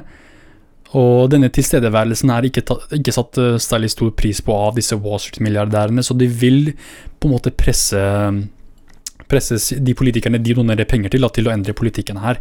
Så det beste en anbefaling jeg ville hatt til disse Reddit-folka, eller de som har tjent masse penger på dette her, da. De som har tjent flere millioner, hvis de var smarte, så, så hadde de gjort det som er det smarteste å gjøre når du har penger i USA, og det er å kjøpe en politiker. Invester masse penger i disse kampanjene. Det er det, sånn, jeg er helt seriøs nå. Jeg vet det høres helt tullete ut, men invester Mange av disse folka har, har, jo tjent flere millioner på dette her. Og du trenger ikke å putte millioner i lomma på disse politikerne. Bare et par tusenlapper er nok. Invester penger i kampanjene til disse politikerne, så har du, så har du liksom litt innflytelse over de også.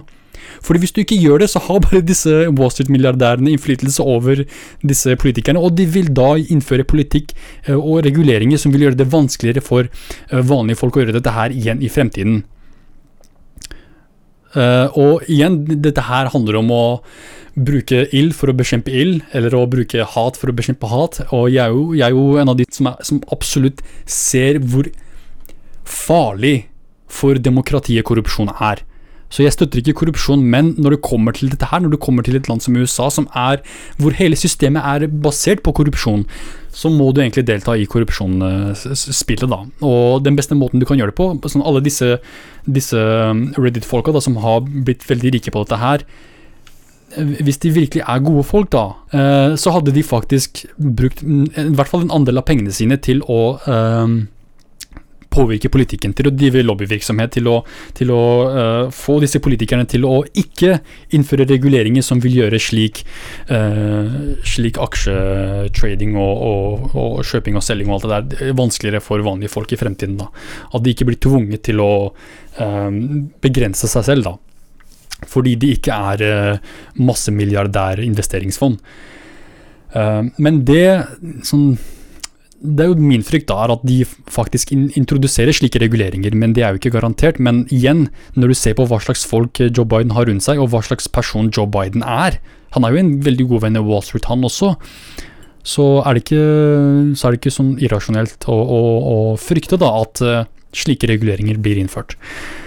Um, men eh, ja, dette her er jo ikke ferdig helt ennå. Det, vi kommer definitivt tilbake til dette her. Det, har veldig mye å si for uh, ikke bare fremtiden til uh, uh, sånn reguleringer på finansmarkedet i USA, men også hva slags politikk vi har fremover med hva, hva vi har å forvente av folk som Joe Biden og hans kabinett. Um, men ja, jeg tenker det er greit å avslutte her. Dette her ble nesten to timer. Jeg beklager, det er, det er, veldig mye som egentlig burde ha gått veldig kjapt, men jeg har en tendens til å ramble on og falle av iblant, og snakke om andre ting iblant. Men ja. Takk for at du hørte på. Dette var Hivar. Jo, før jeg avslutter her. Eh, de siste par eh, ukene så har jeg brukt veldig mye tid på å lage tegneserier. Så det har egentlig vært en av de hovedgrunnene til at jeg ikke har eh, laget så mange podcaster, er at jeg har blitt helt eh, ja, utrolig opptatt med å få, få gjort ferdig disse tinga her. Og mm, jeg kommer til å ja, publisere mange av de videre også, så hold øyet åpne for de. Og det betyr også at jeg nå har mer tid til overs til å faktisk snakke om disse tingene her, og disse utviklingene vi ser ikke bare i USA, men også i Asia. Så jeg håper å være litt mer aktiv videre også. Så takk for at du hørte på. Dette var Hivar. Og nå litt heftig musikk.